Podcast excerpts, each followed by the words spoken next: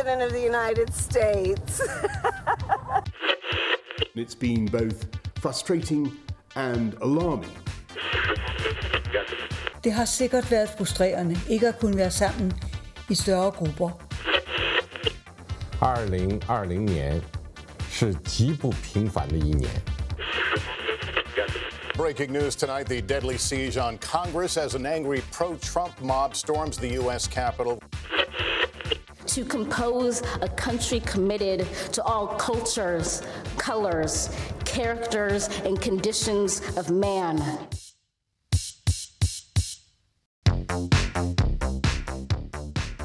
Góðan dag kæru hlustendur þegar að hlusta á heimskviður. Ég heiti Guðmundur Björn Þorbjörnsson. Og ég heiti Birta Björnsdóttir. Í heimskviðum er fjallaðum það sem gerist ekki á Íslandi.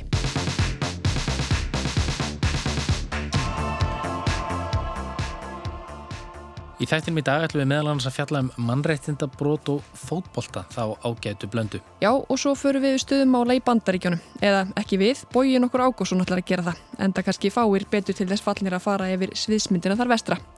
Bógi ætla meðal annars að segja okkur frá fyrstu verkefnum Bidens, bæði innaríkis og utanríkismálum, stuðun á bandaríkjaþingi og líka áhrif fyrir um fósitans Trumps á republikanaflokkin. Emitt, en við skulum byrja í Katar.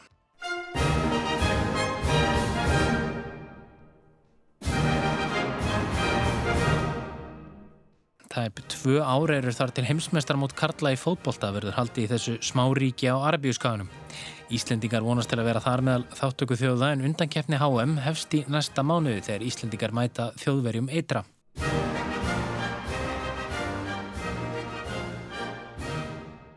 Þetta er í fyrsta sinn sem heimsmeistarmóti fer fram í Arabalandi og í fyrsta sinn þar sem heimsmestramóti er haldið í landi þar sem muslimar eru í meiri hluta. Þar sem heitin á sömrin í Katar fer vel yfir 40 gráður og stundum yfir 50 verður leikið frá miðjum november fram í miðjan desember. En við ætlum ekki að fjalla um fótbolta hér eða leikin, fótbolta leikin sjálfan heldur þá staðreind að það að Katarar hafi ákveðið að halda eitt skipti fótboltamót hafi gert það verkum að um 6.500 farandverkamenn frá Indlandi, Pakistan, Nepal, Bangladesh og Sri Lanka hafa dáið við uppbyggingu á íþróttamannvirkjum og öðru sem tengist undirbúningi mótsins á síðastleinum áratug. Þetta kom fram í útækt Breskablasins Guardian í síðustu viku og byggir hún á upplýsingum frá stjórnvöldum þessara landa. Það er sína, svo ekki verður um vilst að 12 verkamenn hafa dáið að meðaltali í hverri viku frá því Katarar triði sér réttin til að halda mótið í desember 2010. Já, þessi grein Guardian var líginni líkust, algjörlega hræðileg og virðist því miður byggða á staðrendum.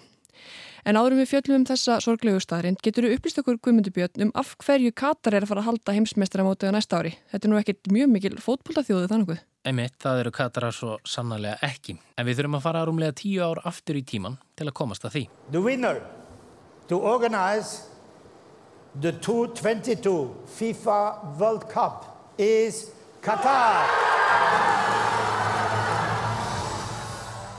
Hér heyr við hinn umdelda Sepp Blatter fyrir um fórseta alþjóða knatsbyndarsambatsins FIFA tilkynna að Katarar hafi hreft hnossið árið 2010. Hinn umdelda segi ég, já, því nexlismálinn hafa eld Blatter á röndum. Eða þetta ég kannski segja að hann hafi eld þau. Og þessi ákverðun að smáríki sem hefur aldrei einu sinni komist á heimsmestramótið fáið að halda það þótti eitt stórt reygin nexli. Fljótlega fóru sögur á kreik um að spilling og mútur hefði orðið til þess að Katar hefði fengið halda mótið.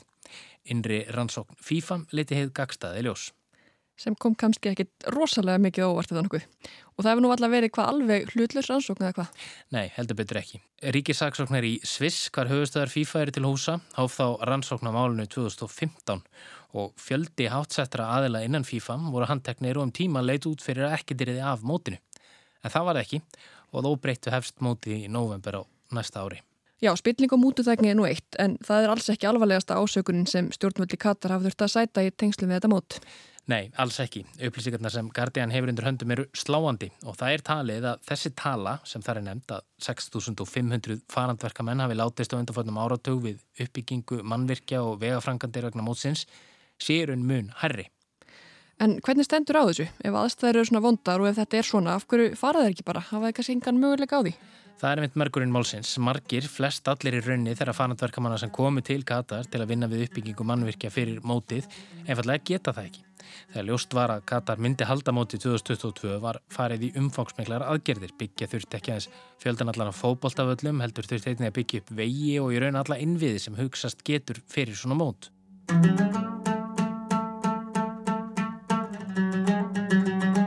Þá var bröðuð á það ráð að fá erlenda farandverkamenn frá nágrannaríkjum til að vinna þessa vinnu. Og hvers vegna ekki heimamenn? Þeir höfðu bara engan áhuga á því. Katar er eitt ríkasta land í heimi með höfðatölu og af þeim 2,5 miljónum sem þar búa eru aðeins um 300.000 Katarar. Þeir njóta allir ímissa fríðinda og þykja meðal annars nokkus konar borgarlaun eða beinar greiðslur frá ríkinu fyrir það eitt að vera til. Ég skil. Þannig að það er kannski lítill áhugi meðal Katarna sjálfra fyrir því að standa í byggingavinnu í steikjandi hitta. Laug rétt og því var leitað til farandverkamanna. Þeir koma þángað í góðri trú um að þjena vel og geta snúið til síns heima með fulla vasa fjár. Þetta eitt og sér týðkast víða meðal annars á Íslandi. Káranhugavirkjun var ju meira meina byggð upp af Ítölum, Portugölum og Kínverjum. En í Katar hefur þetta mestuleiti verið þannig að verkamennir semja við ákveðna vinnumiðlun áður en þeir koma um ákveðna launatölu og vinnutíma. Þeir eru flestir fátækir og taka því gerðnan lán hjá vinnuveitandanum fyrir farmiðanum til Katar. En þegar þangaðu komið kemur í ljós að launin eru mun læri en um var samið. Það sem þeir eru skuldur vinnuveitandanum tekur vinnuveitandan vegabref þeirra sem tryggingu. Þeir geta því ekki flúið og eru kannski árum saman að vinna upp þessa skuld og lítill sem engin peningur skila sér í þeirra vasa. Þannig þeir eru í raun margir hverjir neittir til að vinna ánkaups mánuðum saman og eru ekkert annað en nútíma þrælar.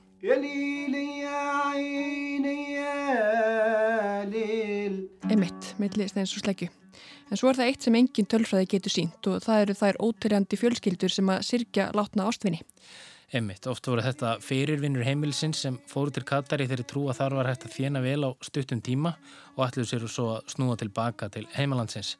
En þetta er ekki bara fíleldir karlmenn, þetta er líka ungir drengir. Ganesh Bishwakarma er einn þeirra. Hann fór frá Nepal til Katar til að vinna fyrir nokkrum árum. Seks vikum síðar var hann látin úr hjertastoppi. Hann var aðeins 16 ára. Hann átti þann draum að þjena peninga erlendis og hann geti byggt hús fyrir fjölskyldu sína heima í Nepal. Við komuna í Katar þá lenda hann í svikamillu og fjárkúun, hann skrifaði undir samning og let frá sér vegabrefið. Fjölskylda hans í Nepal situr svo uppi með skuldinnar. Fadir hans segist velta því fyrir sér á hverjum degi hvað hafi valdið því að heilbreyður 16 ára sonur hans hafi fengið hjartastopp við vinnu. Hann sé nú skuldum vafinn en það tók hann lán til að koma síni sínum yfir til Katar og hann vilji aldrei hera minnst á landið Katar aftur. मेरो छोरो यहाँ घरमा हट्टाकट्टा भएको मान्छे केही पनि एक शब्द पनि नखोकेर घरमा त्यति राम्रो छोरो मैले विदेशमा पठाएको एक्कासी गरेर के कारणले भयो Þessi drengur hans deyr á nokkura skýringa og það er þá raunin með fleiri ekki satt. Eru vinnu aðstöðarnar virkilega svona hræðilegar? Já, og búsettur skilirinn líka. Þeir búa gerðan í vinnubúðum í námynda við glæsísi borgarinnar og hafa þar lítinn aðgang að hreinu vatni og borða næringasnöðan mat. Vinnudagarnir eru langir og erfiðir og öryggi ekki gætt á vinnustöðum og þess aftar og dánarásök þessara manna er eftir því. Þá hafa einnig margir fallið fyrir eigin hendi. Já, maður hefði kannski haldið að með alla þessa peninga ættu stjórnvöldi Katar að geta setið þessa farandaverka menn sem og aðrir fái mannsamandi laun og njóti annara mannriðinda. En talandu um það, Guðmundur Björn, þú nefndir hérna áðan að Katar væri eitt ríkasta land í heimi með við höðutölu. Hvað sanga er landið svona ríkt? Jú, landinu hefur verið stjórnað af Al-Thani fjölskyldunni síðan Mohamed Nokkur bin Thani náði samningu við breyta um að Katar er því sjálfstjórnarsvæðar 1868. Þessi fjölskylda er enn við stjórn en það eruðu kaplaskil í sögulandsins þegar ólíja fannst þar árið 1940. Efnaháður landsins tók þó kipp og frám árinu 2012 hefur Katar framleitt 13% af ólíubyrðum heimsins. Katarar hafa það því nokkuð gott en sértu erlendur farandverkamæður þar í landi, ja, þá er farið með þig eins og dýr að þeir veriðist.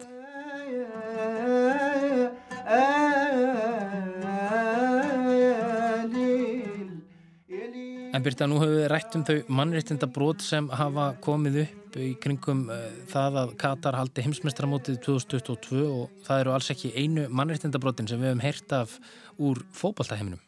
Nei, það er víst og íþróttaheiminum yfir höfuð því að þó að þessar frásagnir frá Katar séu sannarlega mjög umurlegar er þetta ekki fyrsta sinn sem mannriðtindabrót og stórmóti íþróttum eru til umfyllunar í sömu andrá.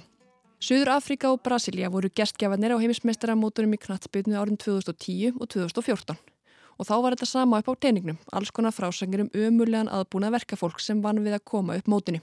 Þá rautuðu talsvert í fréttinnar aðgerði lauruglunar í Rio de Janeiro í fátakakveðurum borgarinnar sem kölluður favelas í aðdraganda HM-knaspinu 2014 og svo auðvitað vegna olimpíuleikana sem er heldu þar tveimur árum síðar. Þá byggu um 6 miljónir í Rio og um þriðjungur þeirra í þessum favelas.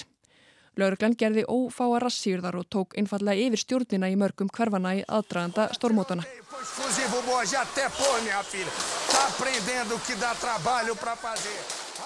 Stjórnvöld í Brasilíu óttuðist að uppgjör, glæpagengja eða þjófnaður væru minningar sem einhverjir gestir stormótana kemur heimið í farteskinu og vildu verið allamögunni reyna að forða því. Ég var sjálf í Ríó 2016 í tengslum við olimpíuleika fallara og þar var þetta allt alveg yfirburða slétt og felt hvort sem þú varst að fram eftir ströndinni eða þræða favelas. Og þannig var það líka í Rúslandi árið 2018 þegar heimsmestaramóti í knattspinnu Karla var haldið það að setja minninga. Þú mannst nú gumundu hvað allt var slétt og felt á yfirbörnu þá var alltaf rusl að sjá á gödum hvað þá svífriðleg mannreitindabrótt. Emitt, hverki heimlislaust fólk, hverki fólk að betla og maður svona fór að veltaði fyrir sér hvort að þetta væri einhver síndarmennska, hvort þetta væri eitthvað leikrit. Akkurat. Og þá er kannski aðeins annarlega umfyllunum en það sem er að gerast í Katar þar að segja að mannreitindabrótin tengjast stórmótunum ekki beint en fá aðtiklið þegar að þjóðunar sem þau fremja fá að halda stórmót.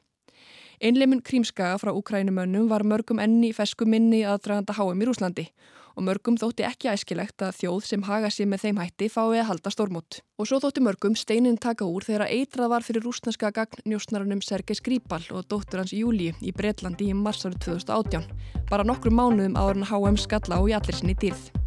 Og sanna þótti að árásinn var í runnin undan rifjum rúsa. Íslenski ráðamenn ætla ekki að sækja heimsmeistaramóti í knatsbyrnu í kalla í Rúslandi í sumar. Með þessu mótmæla stjórnvöld efnavopna árásinni í ennskabænum Solsbury í byrjun mánaðarins. Já, alveg rétt. Ráðamennir sátu heima. En þetta var ekki fyrsta sinn sem rússar þurfa að svara fyrir heimaverkin áður en þeir halda stormót. Nei, einmitt. Rússar heldur líka vetrarónlupjuleikana í Sochi árið 2014 og þá, eins og fyrir HM, voru málefni samkynneira í landinu talsvertil umfyllunar. Þegar þjóðir bjóða heimsbyðinni heim til sín með því að halda stóru móta borð við heimsmeistaramót og olimpíuleika, þá beinist kastljósuð auðvitað einnig að öðrum hlutum í heimalandinu. Og eins og þegar þú býður gestum heim, þá tekur þið til heima höður áður. Við komum nú aðeins inn á það í þar síðasta þætti af heimskviðum þegar við rættum ofsóknir gegn samkynniðum í Tjettíniu og eins og þar kom fram eru þau sjálfsögðumannréttindi að vera hins einn alls ekki búið í Rúslandi. Ímis mannréttindasamtök og baróttu samtök hins einn fólks vöktu aðtikli á þessu misrétti aðdraða ólupíuleikana og svo líka heimsmeistramótsins. En eins og áðursaði var allt ólega slétt og felt á yfirborðinu. Stöðningsmenn og áhuga mennum fótbolta sem eru hins einn láta sig ekki vanda á heimsmeistaramótið í Rúslandi og hafa fengið góðar móttökur. Bladamadur sem starfar í Moskvu segir þó að það þurfa að taka umburðalendi rúsaka hvert hins einn fólki á mótinu með fyrirvara. Þetta er sérst ingangur á frétt sem þú, Guðmund Björn, gerðir frá Rúslandi sömuru 2018. Mm. Og svo ég haldi bara áfram að segja þér frá því sem þú gerði sjálfur, þá talaður þarna líka við breskan bladamann sem starfar í Moskvu og hann sagði þetta, að fólk ætti ekki að fara frá Rúslandi með þá tilfinningu að þar geti allir fengið að vera eins og þeir eru. Þó svo að það hefði verið svo þessa daga sem heimsmeistramóti var haldið. Já, þessi bladamæður Þíó Mertz eh, bretti, hann, hann í rauninni staðfesti þennan grun okkur um að það væri ákveð leikrit í gangi í Rúslandi á þessum tíma búið að taka til og svo bundi teppið því sem ekki mótti sjá. Einmitt. Þannig eins og fyrir segir er þetta ekki fyrsta og líklega ekki síðasta sinn sem mannréttindi og íþróttamótir rætti sömu andrá. Og það er ekki svo fólk sé alltaf sama þegar gaggrinsrættir heyrðust um ömulegan aðbúnaði verka fólk sem vann við uppbyggingu í aðdraganda heimsmestaramótana í Suður Afríku 2010 og í Brasilíu 2014 þá ætluði FIFA aldrei að ráðast í úttektir og aðgerðir til að skera upp heyrur gegn svona mannréttindabrótum í tengslu við móti. En það virðist nú ekkert hafa gengin eitt sérstaklega vel hjá þeim með við síðustu upplýsingar frá Katar. Og nú vonust við auðvitað flest til þess að strákinir okkar komist á HM í Katar eða er það ekki? Ég veit ekki, það er spurning á að aðskilja pólitík og íþróttir, á að aðskilja mannreittindi og íþróttir. Heldur þú kannski þessar frettir frá Katar eftir að hafa áhrif á stemninguna? Ég er ekkit endilega viss um það.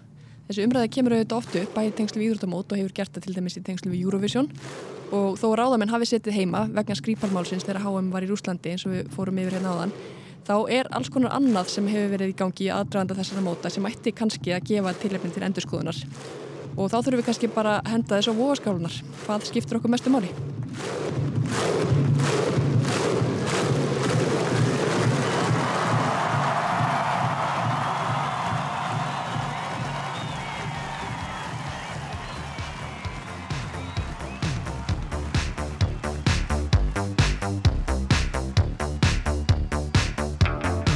Höldum við til bandaríkjana. Á fyrsta degi í ennbætti undirritaði Joe Biden fórseti bandaríkjana fjölda tilskipana til að afnema ákvarðanir fyrirrennara síns Donalds Trump. Biden hegst ger breyta stefnu bandaríkjastjórnar bæði innaríkis og utaríkismálum. Demokrater ráða báðum deildum þingsins að það getur samt reynst þrautin þingri að rinda stefnumálum í framkvæmt og uppfylla lofórð úr kostningabartunni. Bóji Ágústsson veldi nú fyrir sér við hverju megi búast í bandarískum stjórnmálum á næstunni. Að sumuleiti má segja þeir eigi það samiðilegt Donald Trump og Joe Biden á áherslu atriði þeirra í upphafi fórseta tíðar eru að breyta gjörðum fyrirrennara sinna. Þannig virtist Trump hafa nánast ímugust á öllu sem Barack Obama hafði gert og reyndi sitt ítrasta til að breyta ákvörðunum og lögum sem sett voru í tíð Obama. Sweeping new changes are being proposed to an Obama-era school lunch policy. The move by the Trump administration would loosen rules for fruits and vegetables which could lead to more pizzas and burgers on the menu. Strax á fyrsta degi eftir að hafa tekið við ennbætti undirritaði Biden fjölda tilskipana til að afnema ákvarðanir Trumps. Þar á meðalum að taka aftur þátt í Parísasamkomulæginu um aðgerðir í lofslagsmálum what I'm going to sign, and that's what I'm going to do while you're all here, is uh, the commitment I made that we're going to rejoin the Paris Climate Accord uh, as, of, uh, as of today. Afnema bann á að transfólk þjónaði í herabla bandaríkjana og Biden stöðvaði byggingu múrsins allræmda og landamærum bandaríkjana á Mexiko. Trump hafði sagt skili við alþjóðastofnanir sáttmála og samninga. Hann sagði upp samningnum um kjarnorkumálið Íran sem gerður var 2015 og tilkynntum brottkvar og hætti þáttöku í alþjóða hilbiðistofnuninni. Hann lísti samningum fyrirennara sinna sem verstu samningum sem gerðir hefðu verið. Trump syndi lít hefðbundnum bandamönnum bandaríkjana, skammaðist út í NATO, niðurlæði oft leiðtó að bandalasaríkja og syndi ekki stopnunum eins og G7, saminuðu þjóðunum og öðrum alþjóðasamtökum en vildi frekar eiga tvíliða samskipti. Trump virtist hafa óbílandi trú á eigin hæfileikum til að ná díl og rætti til dæmis við Latimir Putin, rúslandsfósetta, á einum fundi þeirra án aðstofmann.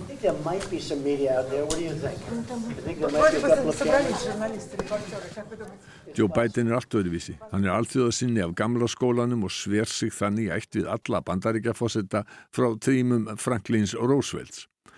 Hann hefur þegar tekið þátt í fjarfundi með leitugum G7-ríkjana og fyrir rúmri viku áarpaði hann öryggisrástefnuna í München sem hefur verið árlega frá 1963 og er eitt mikilvægasti vettvangur heimsins til skoðanaskipta um utanrikis og öðrikismál. Þar lagði Biden áherslu á mikilvægi NATO, Atlasans samstarfið væri jafn mikilvægt á 20. og 1. öldinni og það hefði verið á þeirri 20. I'm sending a clear message to the world. America is back. The transatlantic alliance is back. We are looking forward together. It comes down to this. The transatlantic alliance is a strong foundation, the strong foundation on which our collective security and our shared prosperity are built. En Bidens býða mjög erfið verkefni í utanríkismálum og það er áherslumunur á milli stefnu stjórnar hans og sumra bandamanna og það gildir ekki síst um afstöðuna til Kína. Það verður nefnileg ekki lítið framhjá því að þunga miðja heimsmála er að færast frá Allandshafi og Evrópi yfir til Asíu og Kirrahafsins. Albert Jónsson, fyrirvændi sendiherra bæði í Washington og Moskvu, sagði heimskviðum í fyrra að Asíu Kirrahafsvæðið sé driftkraftur alþjóðakerfisins og samkeppni milli bandaríkjana mesta stórveldis heims og Kína sem sé rýsandi stórveldi verði ráðandi þáttur í alþjóðamálum. Þessi þáttur í stefni bandaríkjana er gætna tengdu við ræðu sem Obama fórseti flutti í Ástralju heims og þar 2012. The United States has been and always will be a Pacific nation. Og þar sem hann talaði um það að áherslur bandaríkjana myndi óhjákamilega beinast í síauknumæli til Asíu Kirrahafssvæðisins vegna þess að Kína er því rísandi stórveldi í heiminu.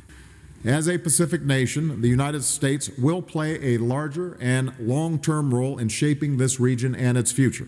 Og, og þetta er bara augljóslega í hag bandaríkjana að bregðast við hinnu rýsandi stofveldi sem að Kína er á efnahagslega en þá aðalega en einni teknilega og, og í auknum mæli hernaðalega sem, sem Kína er stórveldi sem bandaríkin hljóta að bregðast við. Það verður erfitt verkefni fyrir Trumpan á lendingu í viðskiptadeilunum við Kína og spurning hversu mikla áherslu hann leggur á hann á samningum. Wang Yi, utanrikiðsáþara Kína, hefur þegar mælst til þess við bæten að hverfa aftur til fyrri síða í samskiptum ríkjana eftir stormásömu árin í valdatíði Donalds Trumps. Bæten virðist óska eftir betri samskiptum. Hann rætti í síðustu viku í síma við Xi Jinping, fósita Kína. Uh, last night I was, uh, I was on the phone for two straight hours with Xi Jinping. A good conversation. I know him well. We spent a lot of time together over the uh, over the years I was vice president. Silja Bára Ómarsdóttir, professor í stjórnmálafræði, telur að Biden hafi aðrar áherslur í utanriksmálum en Barack Obama sem horfi mest til Asju. Hann verði jafnframt herskári en Donald Trump. Joe Biden er mjög hefðbundin alþjóðasinni.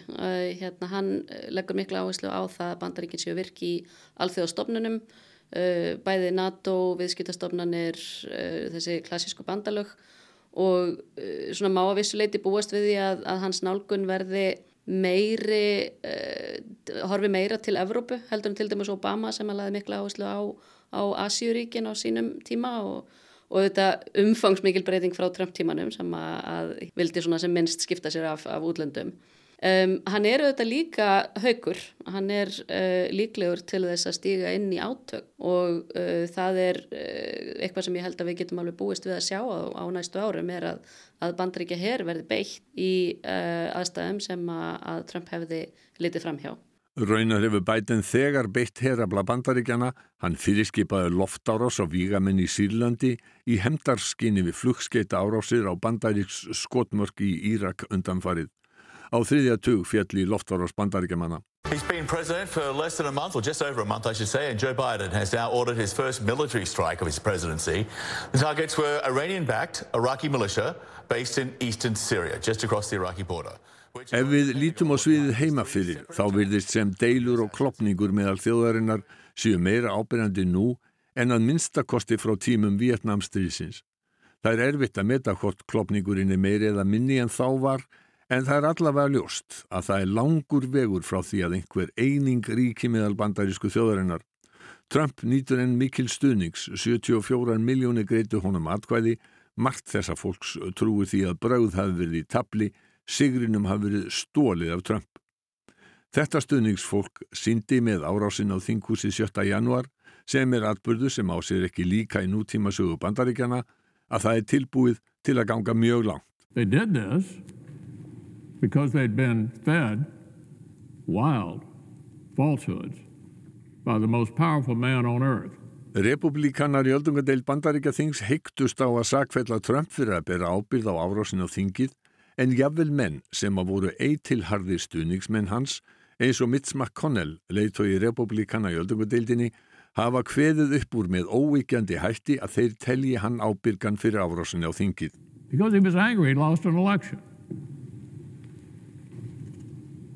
no question, none, that President Trump is practically and morally responsible for provoking the events of the day. No question about it. Þessi klopningur meðal þjóðarinnar eða skautun eins og Silja Bár Ómarsdóttir hefur nefnt það gerir erfitt að ná samkómulagi á þingi. Demokrater eru núna í þeirri stöðu að ráða bæði í fulltróðdeild og öldungadeild þingsins en sá meiri hluti gefur Joe Biden ekki óskorað vald til lagabreitinga langt í frá. Fossetin hefur lofað meðal annars að bæta aðgengið ofinberi hilbriðistjónustu, bæta innviði eins og vegakerfið og brýr og það er ljóst hvað margt þarnast enduníunar þegar yllviðri valda umfangsmiklu rammagsleysi og kuldakast í Texas olli neyðar ástandi. Þá býður nýra stjórnar að endurskoða lögjöf í innflytjendamálum og setja strángari lög í umhverfismálum. Biden hefur þegar líst vilja til að vinna með republikonum og hefur þegar aft fundi með leitungum þeirra á þingi en það er alls ekki gefið að honum takist að skapa samstöðu á þingi. Það, það er jæmt skipt í öldungadeildinni og þar, sko, þar stoppa málof, sérstaklega vegna þess að, að það er hægt að nota málþóf, þá þarf 60 manna meiri hluta til þess að ofta koma málum í gegn sem að eru eldfim. Þannig að, að það verður töluvert álag á þingfósetta og, og á uh, bara fulltrúum fósettans í, í samskiptum við þingi að reyna að, að koma málum í gegn. Þannig að það má búast við að það verði umtalsverða málamiðlanir. Stæsta málið núna er auðvitað að reyna að koma hagkerfni í gang eftir, eftir COVID og uh, það er strax að byrja þetta með að uh, vil sjá að lámaslaun í bandarækjunum fari upp í 15 dollara fyrir á tíman fyrir 2025 eða eigi síðar en, en þá og þetta mál er strax að, að, að sko stoppa í meðförum þingsins. Það er hins vegar áhugavert að sjá að um, það er um 40% uh, skrára republikana, þá, þá meina ég almennings, uh, ekki, ekki þingmanna, sem eru fylgjandi þeim hugmyndum sem að bætin hefur kynnt. Þannig í fulltrúadeildinni sem er í miklu meira beinu samtali því það eru fólk kosið á tveggjára fresti þá gætum við séð aðeins meiri stöðning við málflutning bætans og hans stefnur. Þannig að málinn hafi aðeins, aðeins sterkari stöðu þar og þá þessi ríki sem eru, sem er jafnara á milli að fulltrúar þeirra taki meira undir uh, þessi, þessi markmið bætans. Trump hefur í málflutningi sínum allatíð stuðlaða misklíð, búið til óvinni Hann er alltaf fornalampið, hann talar um ofsókni gegn sér sem eigi sér engan líka og hann lígur blákalt eins og rakalösar fullirðingar um kostningasvindl bera vittnum. Joe Biden hefur talað um að samin á þjóðina en á meðan Trump er við sama heigarshotnið og hefur þau miklu ítök í republikanaflokknum sem hann virðist hafa og þingmenn flokksins þór ekki að gera annað en það sem hann leggur blessun sína yfir virðist lítilvon til þess að deilurnar hjaðni og ílmögulegt verður að ná viðtækri politískri sátt um nokkurt mál. Það er ótrúlega margir þingmenn sem að reyða sig á hann og, og eru óttast að hann muni styðja mótframbóð ef þeir eru ekki á þessari línu. En eh, Trump er náttúrulega ekkert, sko hans, hans pólitík hefur ekki verið í sko skipulagi innan flokksins og svona þannig að maður veit ekki alveg hvernig þetta, hvernig þetta mun spilast. Hann, hann vann ekki á því að vinna sko Eh, valdaelítuna í flokknum, hann vann á því að, að sækja nýja kjósendur til liðs við republikanuna. Þannig að hérna, hvort hann næra að, að halda þessu ægivaldi sem hann hafði yfir flokknum meðan hann var fósetti, það þetta á ennþá svolítið eftir að koma í ljós. Þó að öldungadeildin hafi síknað Donald Trump af ákjæru fulltrúadeildarinnar hafa öldungadeildaþingminn nóg að gera á næstunni. Núna standa yfir yfirhyslur vegna rannsóknar á árásinn og þingi 7. januar Öldungadeildin er sumulegis byrjuð að ræða við ráþæra efni bætens, Merrick B. Garland, sem er tilnemdur í ennbætti dómsmálaráþæra, hefur verið að svara spurningum í dómsmálanemtingsins. Á næstu vikum þarf bæten að fá staðfestingu öldungadeildarinnar og tilnemningu í fjölda annar ennbætta. Allir ráþærar og allir sendiherrar og margir aðri ennbættismenn verða að fá staðfestingu deildarinnar.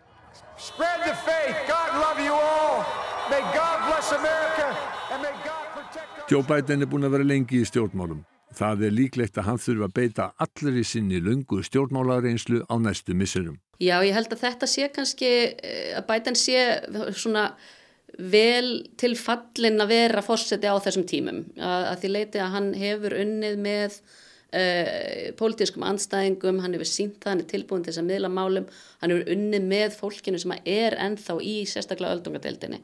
Uh, ferðast með þeim, uh, starfa með þeim, borða með þeim, æft, hérna, mætti líkamsræktina með þeim. Þannig að þetta eru, þetta eru kollegar hans uh, sem að, að vissuleiti bera traust til hans.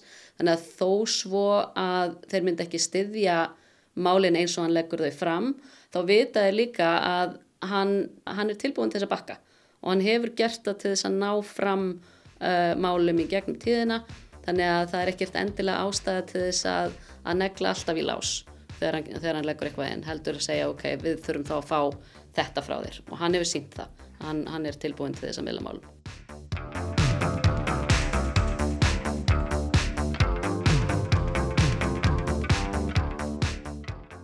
Heimskviður verða ekki fleiri þessa vikuna.